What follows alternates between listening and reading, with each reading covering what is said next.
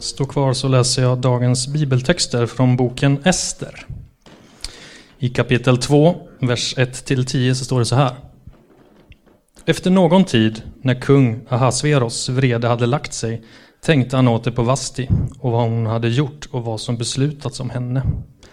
Då sade de unga män som var tjänst hos kungen.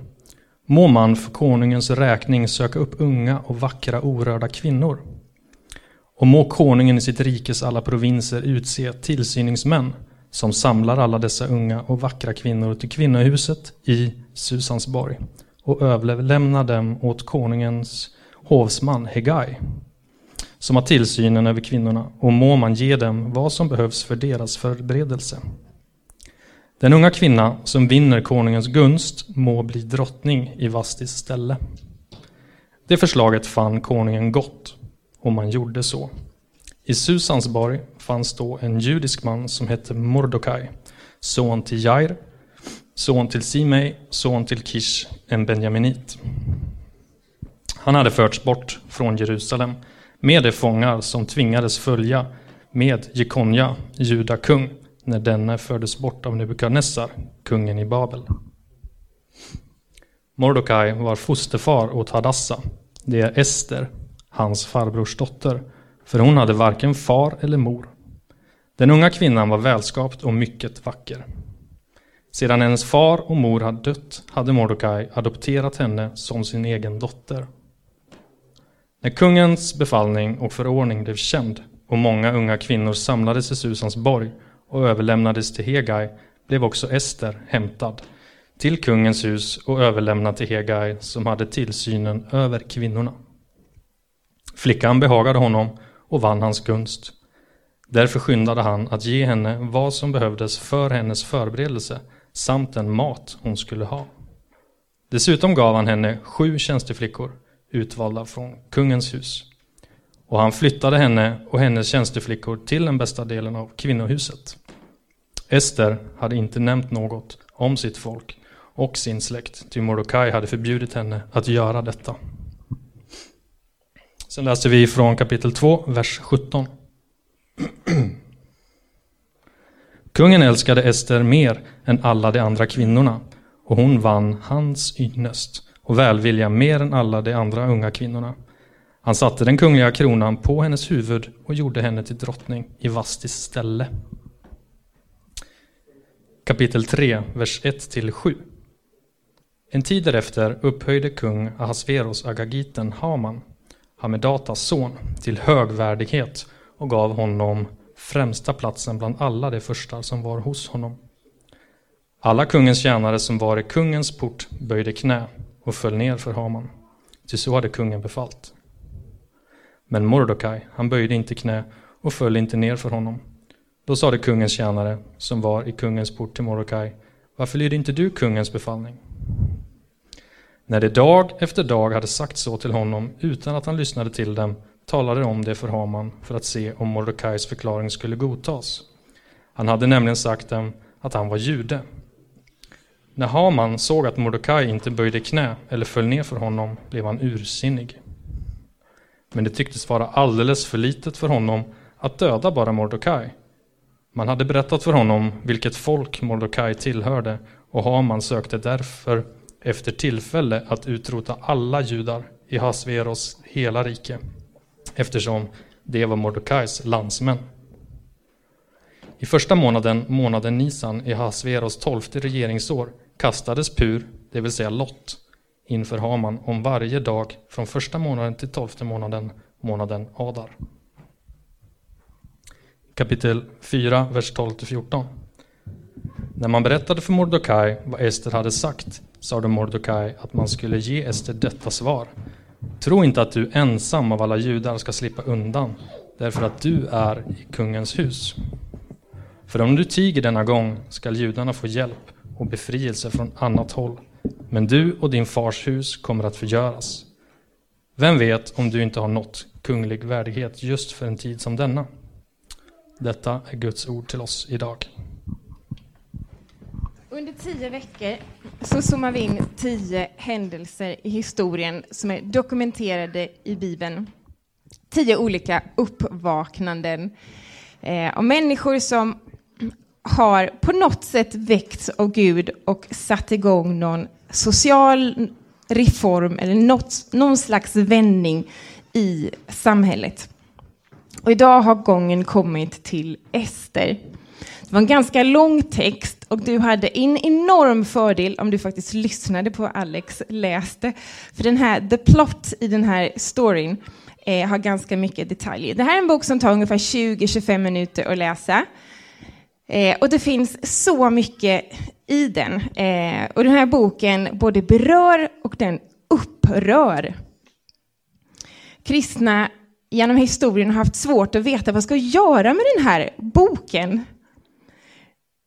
Och under de första 700 åren i, i kristen kyrkohistoria så skrev man faktiskt inga kommentarer om den här boken alls.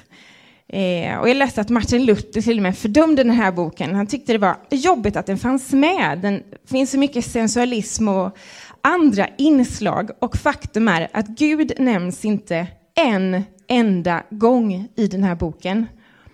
Så det är något unikt, för det kan vi hitta i alla andra böcker i Bibeln. Så vad kan den här boken ge oss? Jag skulle säga att boken är väldigt relevant, den är väldigt praktiskt lagd. Och några givande anledningar kommer upp på skärmen här som jag bara vill att vi snabbt har med oss i bakhuvudet inför att vi går in i dem eh, och kikar lite närmare. Dels så, Ester hon var ju judinna, så hon levde i exil. Hon levde eh, hon var alltså i eh, religiös minoritet och levde i Persien, eh, i den dominanta kultur, kulturen. Och det är intressant att se hur, hur lever man och hur hanterar man det som eh, religiös minoritet? En annan intressant sak att kika på eh, är Persien var ett enormt starkt mansdominerat samhälle. Och ändå är huvudpersonen i boken är Ester, en ung kvinna som är faktiskt den som allt handlar omkring.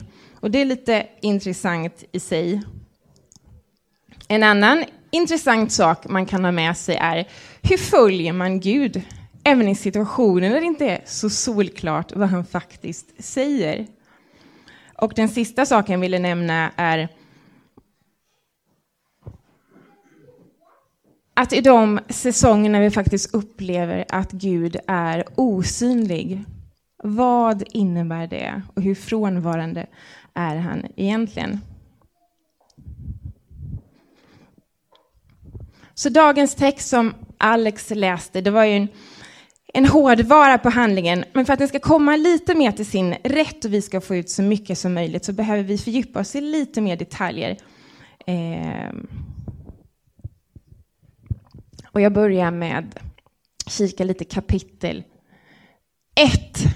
Så när du bara öppnar boken Ester så kommer du rakt in i en Hollywoodfilm. Alltså scenariot är, det, vi kommer rakt in i en bankett Eh, som har hållits ungefär 180 dagar och det är kungen Ahasverus som håller den här.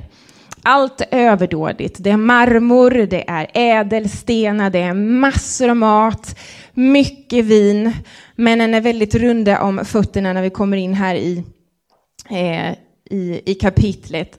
Eh, historiker menar att det här var Ahasverus sätt. Han hade han ville värva och få de här furstarna eh, och eh, militären från hela, från hela riket. Han ville mobilisera dem för att han ville se till att han kunde eh, eh leda en militär operation med dem mot grekerna. Så han visar upp allt han har. Uppenbarligen tar det 180 dagar, så det var nog ganska mycket. Och som kronan på verket så vill han lyfta sin eh, ros på marsipantårtan. Och det är ju drottningen Vasti som uppenbarligen är extremt vacker. Hon har en bankett med kvinnorna intill. Och när han säger då att kom in, visa upp dig, gör dig snygg så ska du få visa dig upp eh, dig för oss. Så dissar hon den inbjudan. Och det kan man ju tycka att det är lite strångt så här. Bra jobbat! Du vill alltså inte gå fram inför så här, vet inte hur många de var, men kanske ett par hundra halvfurra karar och bara upp och visa dig, kan man känna att men det, jag förstår henne. Men så gjorde man inte. Och det var så pass opassande att rådet eh, säger eh, att hon måste avgå. Så hon avskaffas från den sekunden och sen är hon helt ut ur historien. Och som Alex läste så eh, börjar ombuden i hela Persien och finkamma området efter att hitta en perfekt efterträdare till Vasti. Och uppenbarligen var det väldigt viktigt att de skulle vara vacker, för det här blir rena rama skönhetstävlingen som sen pågår. Och vissa historiker menar att det var cirka ett tusental unga kvinnor som i princip rövades bort från sina hem, från sin mamma och pappa, från den skolgången och grannarna där och bara drogs ut och sen fick komma in till hovet och sen under ett års tid skulle preppas med skönhetsmedel, med behandlingar med specifik ma mat för att sen få, eventuellt få träda inför kungen.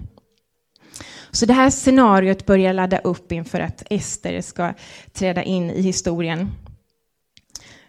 Så man känner med de här tjejerna och den här fruktansvärda situationen faktiskt, eh, att utsättas för det här, vilken enorm press. Eh, för de ska genomgå det här urvalet och sen eventuellt få en natt med kungen. Och därefter eventuellt aldrig se honom mer, men på något sätt bli förkastad för man kunde inte gifta sig efter att ha haft en natt med honom. Man skulle aldrig kunna få ett eget vanligt liv igen. Eller då i, hamna i hans harem och kanske någon gång då och då få passa upp kungen. Eller en av dem, kanske med en tusendels procent då, få uppleva det här att bli efterträdare och bli drottning.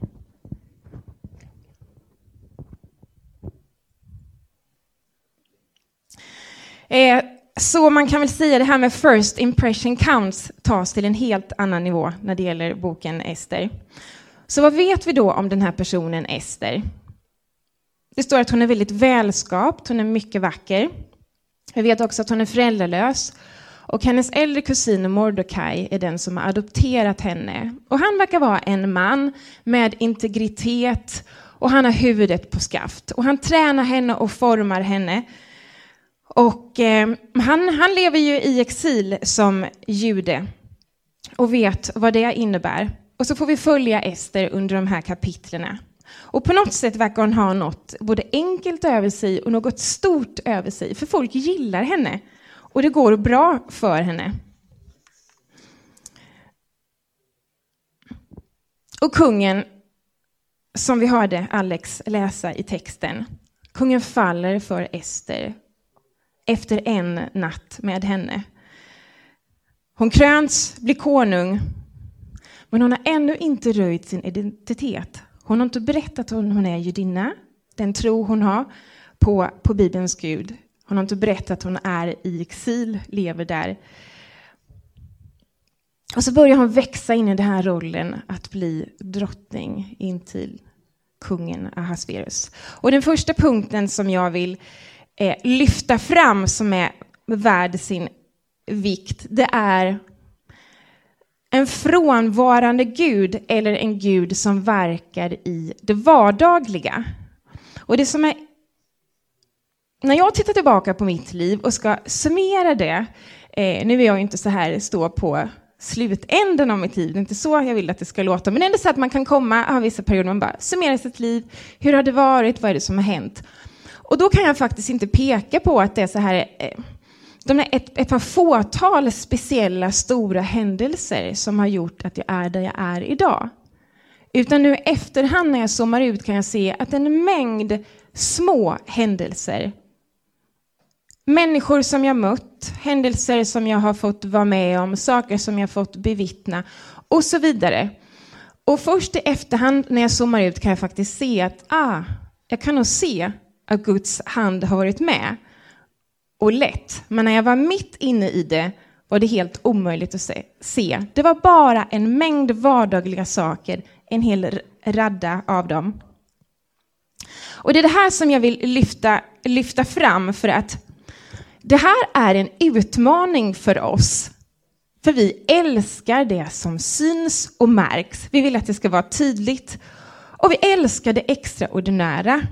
Och vi är upplevelsemänniskor. Och när Gud vägleder, då vill vi gärna att det ska vara tydligt och klart. Och vi älskar stories. Som när Gud kommer till Maria.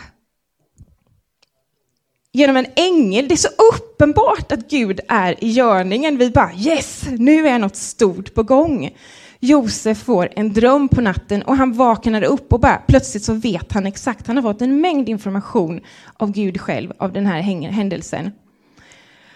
Och Gud han är ju övernaturlig, så visst måste det ändå vara så att han främst talar på ett övernaturligt sätt. Eller? Och boken Ester pinpointar just den här utmaningen som ofta du och jag har. Att vi faktiskt avfärdar Gud så många gånger att han faktiskt är i görningen i ditt och mitt liv. För vi kan inte se det där övernaturliga. Vi bara ser en, en radda av vardagliga händelser och vi undrar, vad i hela världen är du Gud? Och det som är så fascinerande, och egentligen behöver jag ha bara berättat en mängd detaljer bara för att så ni får se det. Gå gärna hem och läs den här storyn själv så kommer ni bara se det i ett annat ljus. Men när man läser här så är det bara en mängd olika detaljer som man kan se i efterhand att det är Guds ingripande i detta. För tänk om inte kungen hade blivit så full att han agerade som han gjorde.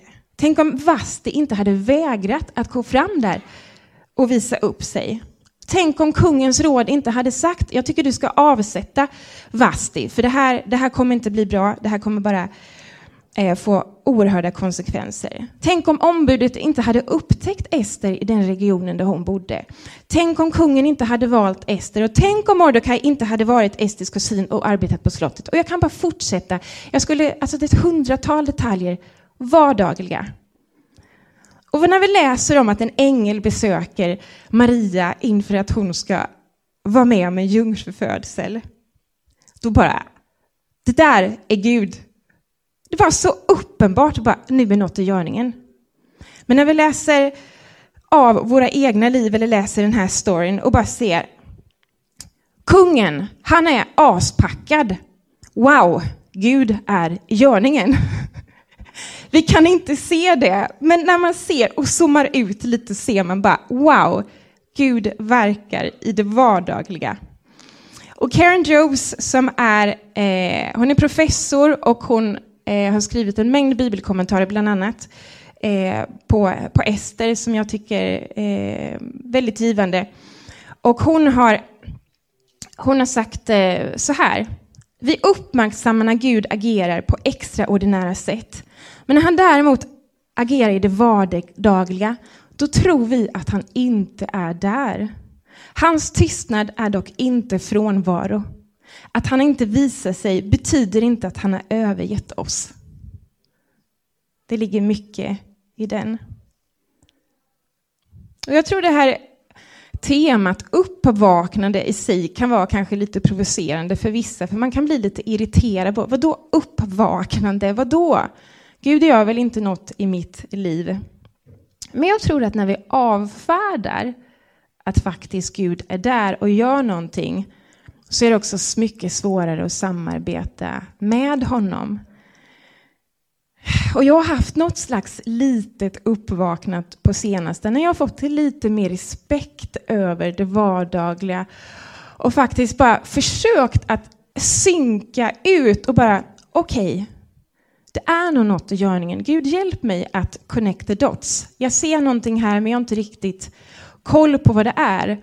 Och i bön bara frågat Gud, hjälp mig att se, vad är det du gör? Hur kan jag synka in mig med det som du faktiskt gör? Öppna mina ögon, jag vill hänga med här. Jag vill få det mesta möjliga av det som du gör. Istället för att avfärda, som jag så lätt hamnar i. För jag älskar tydlighet och jag älskar när det är så här lite speciellt. Del tv- del två. Jag är så pass unik att jag delat upp det här i tre delar. Del två. Vi är del av en gemensam story. Och då hoppar vi in lite längre. Vi hoppar in i kapitel tre och jag ska bara ge några detaljer för att vi ska få ut lite mer av detta. Kungen promotar en man som heter Haman som blir hans närmste man. Han är ingen lättsam och lätt, alltså självdistanserad kille, utan han blir vansinnig när Mordecai, Estes eh, äldre kusin, inte böjer sig inför honom i faktiskt en tillbedjande eh, pose. Och det gör inte Mordecai. Han förklarar själv, jag är jude, jag tillber bara en och det är Gud. Haman kan inte ta detta och han blir så... Precis. Så han bestämmer sig för att jag ska se till att Mordecai dödas. Men inte bara det, utan jag ska se till att utplåna hela hans folkslag. För han får höra att de är judar. Och här får vi se hur en en planering av en förintelse av judarna ska ske under det här, i, i den här delen av historien. Haman får faktiskt igenom detta hos, hos kungen och det blir ett datum som sätts upp för själva dagen av förintelsen. Den ska ske bara svepa fram i hela riket. Det är väldigt märkligt att läsa detta. Och Mordecai kontaktar ju förstås Ester, berättar vad som händer. Hon lever i sin värld, har absolut ingen aning om vad som pågår vad gäller detta. Och hon säger, men vad ska jag göra? Jag måste få en inbjudan för att få kontakt med, eh, för att få prata med kungen. Han har inte kallat in mig i sin sängkammare på 30 dagar och han har inte sovit ensam. Och vi läser, vi kikar kapitel 4, 12 och 14. När man berättade för Mordecai vad Ester hade sagt sa Mordecai att man skulle ge Ester detta svar. Tro inte att du ensam av alla judar ska slippa undan därför att du är i kungens hus. För om du tiger denna gång, då ska judarna få hjälp och befrielse från annat håll. Men du och din fars hus kommer att förgöras. Vem vet om inte du nått kunglig värdighet just för en tid som denna. Och här sker ett uppvaknande i Esters liv. Det som är speciellt med hennes uppvaknande eh, är att ja, dels får hon det genom Mordecai. Mordecai hjälper henne och på något sätt bara zooma ut hennes liv. Hon, hon var där och hon tänkte så här, det handlar bara om att överleva. Jag har hamnat i den här situationen. Jag måste bara överleva det här på något sätt. Hon tänkte, det här är ju mitt lilla liv. Och så har hon Mordecai i sitt, i sitt liv som bara hjälper henne att bara zooma ut. Och plötsligt så ser hon genom en helt annan lins. Hon hade sett sitt liv genom en individuell lins. Plötsligt får hon hjälp och bara zooma ut. Hon ser sitt liv. Okej, okay, jag är del av något större här. Och hon ser den gemensamma storyn av jag som en kugge i det här hjulet. Jag, det judiska folket, scenariot och plötsligt så ser hon någonting som hon helt omöjligt hade kunnat se tidigare. Och Ester hon blir, inte en, hon blir inte en bricka i ett spel, utan jag skulle säga att hon blir en slags avgörande vacker länk när hon får skapa social rättvisa och skapar faktiskt en planlagd förintelse av det judiska folket. Och när, jag menar det här ligger ju inte för oss. Vi vill inte se som en kugge i ett hjul. Vi vill, det är lite mer så här i samhället idag. Men när Ester såg sig som en kugge i det här större hjulet, då händer någonting det förminskade inte hennes syfte. Och det är det jag som tycker är vackert i den här storyn. Det förminskar inte hennes syfte, utan tvärtom så upptäckte hon storheten i det. Och här tror jag att vi kan lära oss någonting, du och jag. En företagsledare skrev i sin blogg den här veckan varje kugge har sin specifika uppgift för att få rörelse i hjulet. Du förstår att det är helt överspelat vilken roll du har i, i företaget. Att alla genomför i genomförandet har lika värde. Alla behövs. Vem kan säga att den som, skri som skriver på kontraktet eller leder mötet är viktigare än den som uthålligt levererar i sin del av processen? Och ibland gör vi val som inte kommer påverka andra. Och andra gånger så gör vi val som vi tänker det här kommer inte påverka någon. Men det kommer göra det i ytterst högsta grad. Och jag undrar hur många av oss som lyssnar här idag, som sitter här, som skulle gjort det och som skulle levt de liv som vi lever om det inte hade varit för en människa eller många längs vägen som har agerat, prioriterat, gjort val, eh, bett och som berört oss på olika sätt som gör att vi är där vi är idag. De kanske inte alls såg det här är så avgörande för Lindas liv att jag säger det här nu. Alltså, ofta har vi inte den möjligheten att bara zooma ut och se effekten eller konsekvensen av det vi gör. Men vi har nog alla en förälder, en granne eller en klasskompis eller en avlägsen släkting som har bett för oss, varit där, sagt något, gjort saker som har format oss, som har gjort oss att vi är där vi är idag. Många har säkert sett Paid Forward, Kevin Spacey, 2000. Och ni som inte har sett den så handlar det om en liten kille som får en, en, hem, en hemläxa av sin lärare att göra någonting som kommer förändra världen. Och han tar det här på största allvar. Och på något sätt så ser den här lille killen att vi är del av en gemensam story. Han ser, okej, okay, men vi är ju länkade med varandra. Vi är inte isolerade öar, utan saker och ting hänger ihop. Och han börjar med att jag, hans idé är att han ska göra någonting gott för någon människa som inte har möjlighet att göra detta för sig själv. Och sen ska den personen i sin tur göra det här till tre andra. Och storyn är ju väldigt gullig på många sätt. Men jag gillar det här att man ser att man är länkad. Och jag tror många gånger så missar vi det. Vi missar och ser att vi delar något större, att vi hänger ihop. För Esters del så hjälpte det här henne att fatta beslut också. Att hon kunde zooma ut och se att hon var del av en gemensam story av fler.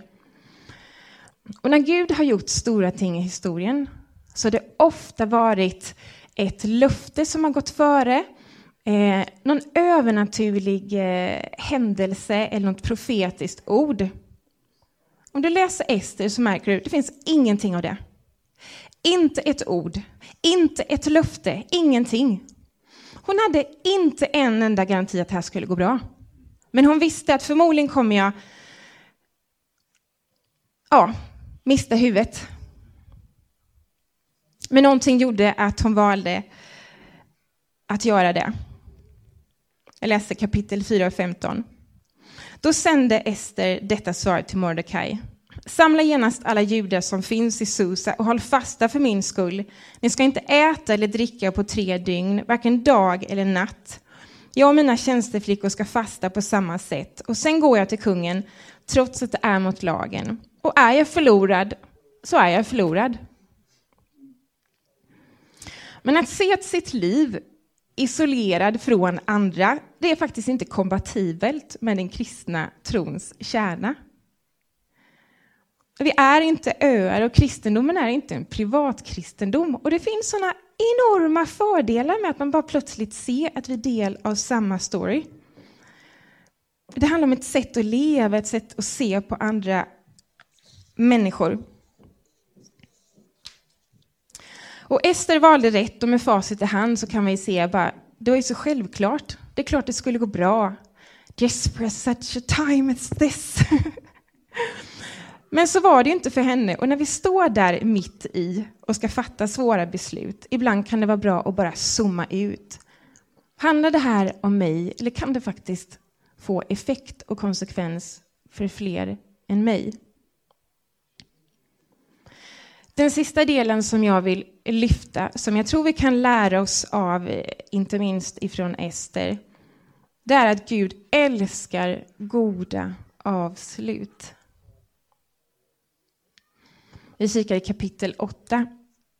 Vad som faktiskt har, kommer att spela upp sig i boken. Men Mordecai gick ut från kungen, klädd i kunglig dräkt av mörkblått och vitt tyg. Han bar en stor guldkrona och en mantel av vitt och purpurrött tyg. I staden Susan jublade man och var glad. För judarna var det ljus och glädje, fröjd och ära. Och i varje provins och i varje stad dit kungens befallning och förordning kom blev det glädje och jubel bland judarna. Och de höll fest och firade högtid. Och många, lyssna på det här, det här är intressant. Många av folken i landet gav sig ut för att vara judar, till fruktan för judarna hade kommit över dem. Och jag tycker bland det vackraste av allt i detta är att Ester, hon är ingen hjälte.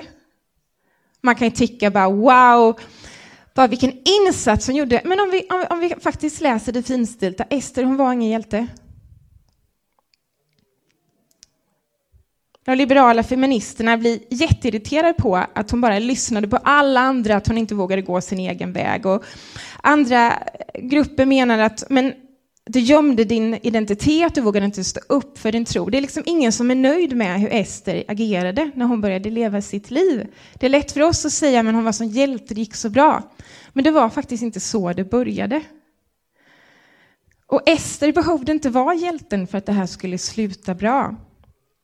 Och vi kan läsa det fascinerande story. Med god list så lyckas hon undanröja den här Haman som bara var ute efter att förinta folket. Han lyckas få upp hans motiv till ytan och lyckas få kungen att förstå.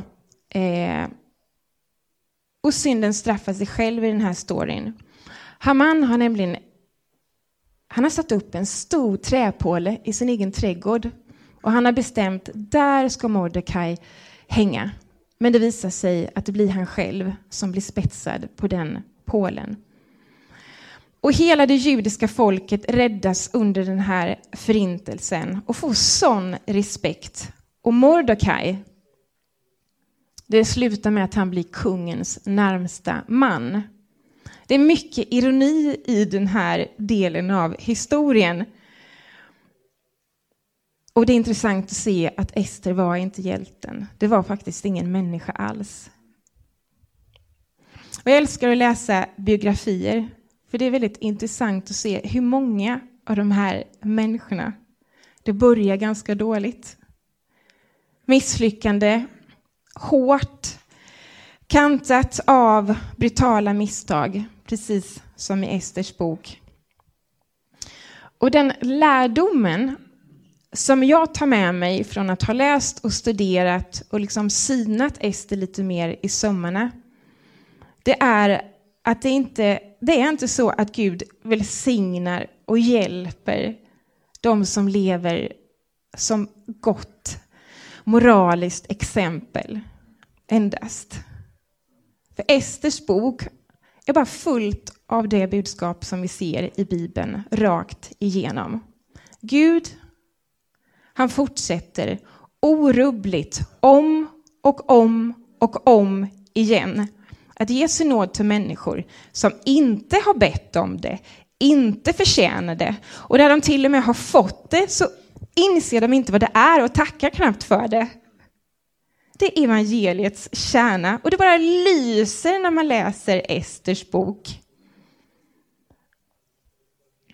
Och vare sig du och jag tycker att Gud verkar oerhört frånvarande i våra liv, att han kanske verkar frånvarande i vår stad, i vårt samhälle, så är det mer på gång än du och jag har en aning om. Och ibland är det bara skönt att få zooma ut lite och bara inse att jag har inte riktigt koll på läget.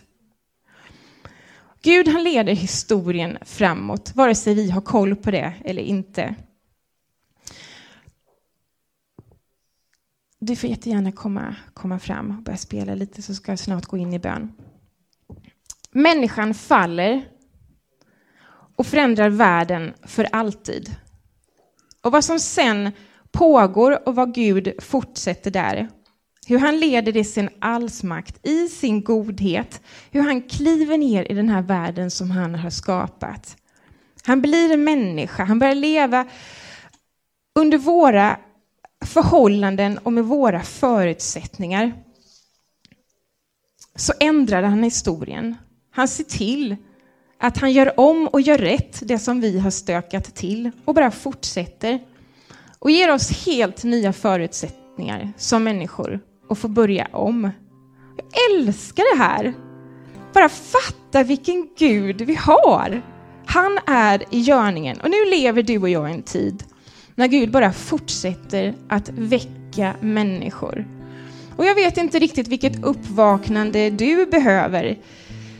Jag har funderat på det där själv. Vad är det jag behöver för uppvaknande? Men uppenbarligen är att människor, vare sig de är medvetna eller inte medvetna, agerar inspirerade av Gud. Över vår värld så finns det människor som jobbar för att ställa hälsan till rätta på vår jord. Människor som jobbar för att den här naturen som rubbats och de här djurarterna som nästan utplånats, att det ska återfå sin balans igen. Människor som jobbar för mänskliga rättigheter, människor som jobbar i Nepal och Indien för unga kvinnor som får sälja sina kroppar 24 timmar om dygnet. Människor som jobbar för demokrati i varje nation i vår värld. Människor som jobbar för rättsväsendet, för lag och ordning, för att se mänskliga rättigheter, för att se lag och ordning, för att se goda saker ta plats i vår värld. Det här är mängder av människor som står vid del av samma story. Ser ni det? Jag vill se det mer. Jag vill se hur våra liv hänger ihop. Jag vill se hur vi samspelar, hur vi kan samspela mer i Stockholm, hur vi som kyrka kan samspela mer, hur vi kan synka in mer i det som faktiskt Gud gör i vår stad och i vår värld.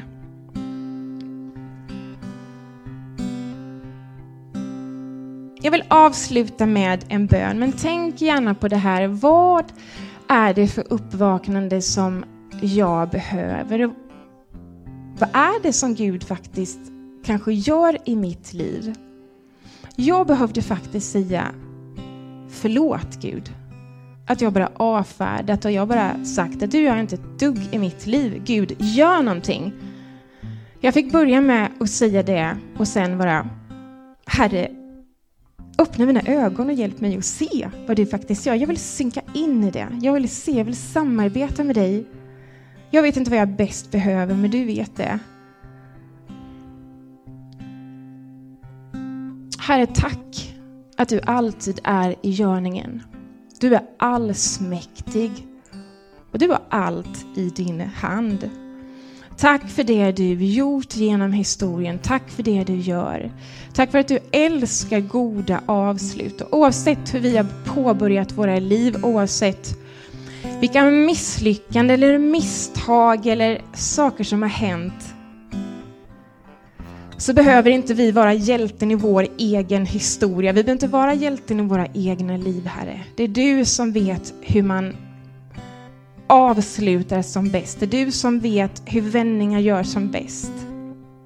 Herre, vi hänger ihop och vi är viktiga för varandra. Jag ber att du hjälper oss att bara zooma ut. Vi som kyrka, som United Stockholm, att vi bara mer och mer ser det syftet som du har gett oss tillsammans, som du har gett oss här i Stockholm, som många kyrkor över vår värld. Hur bara vi kan synka in mer och mer i den upprättelsen av den skapelse som, som du har gjort. Och Herre, du vet vilka uppvaknanden som vi var och en behöver som har lyssnat på det här idag och vidare på podden. Herre, möt oss där vi är.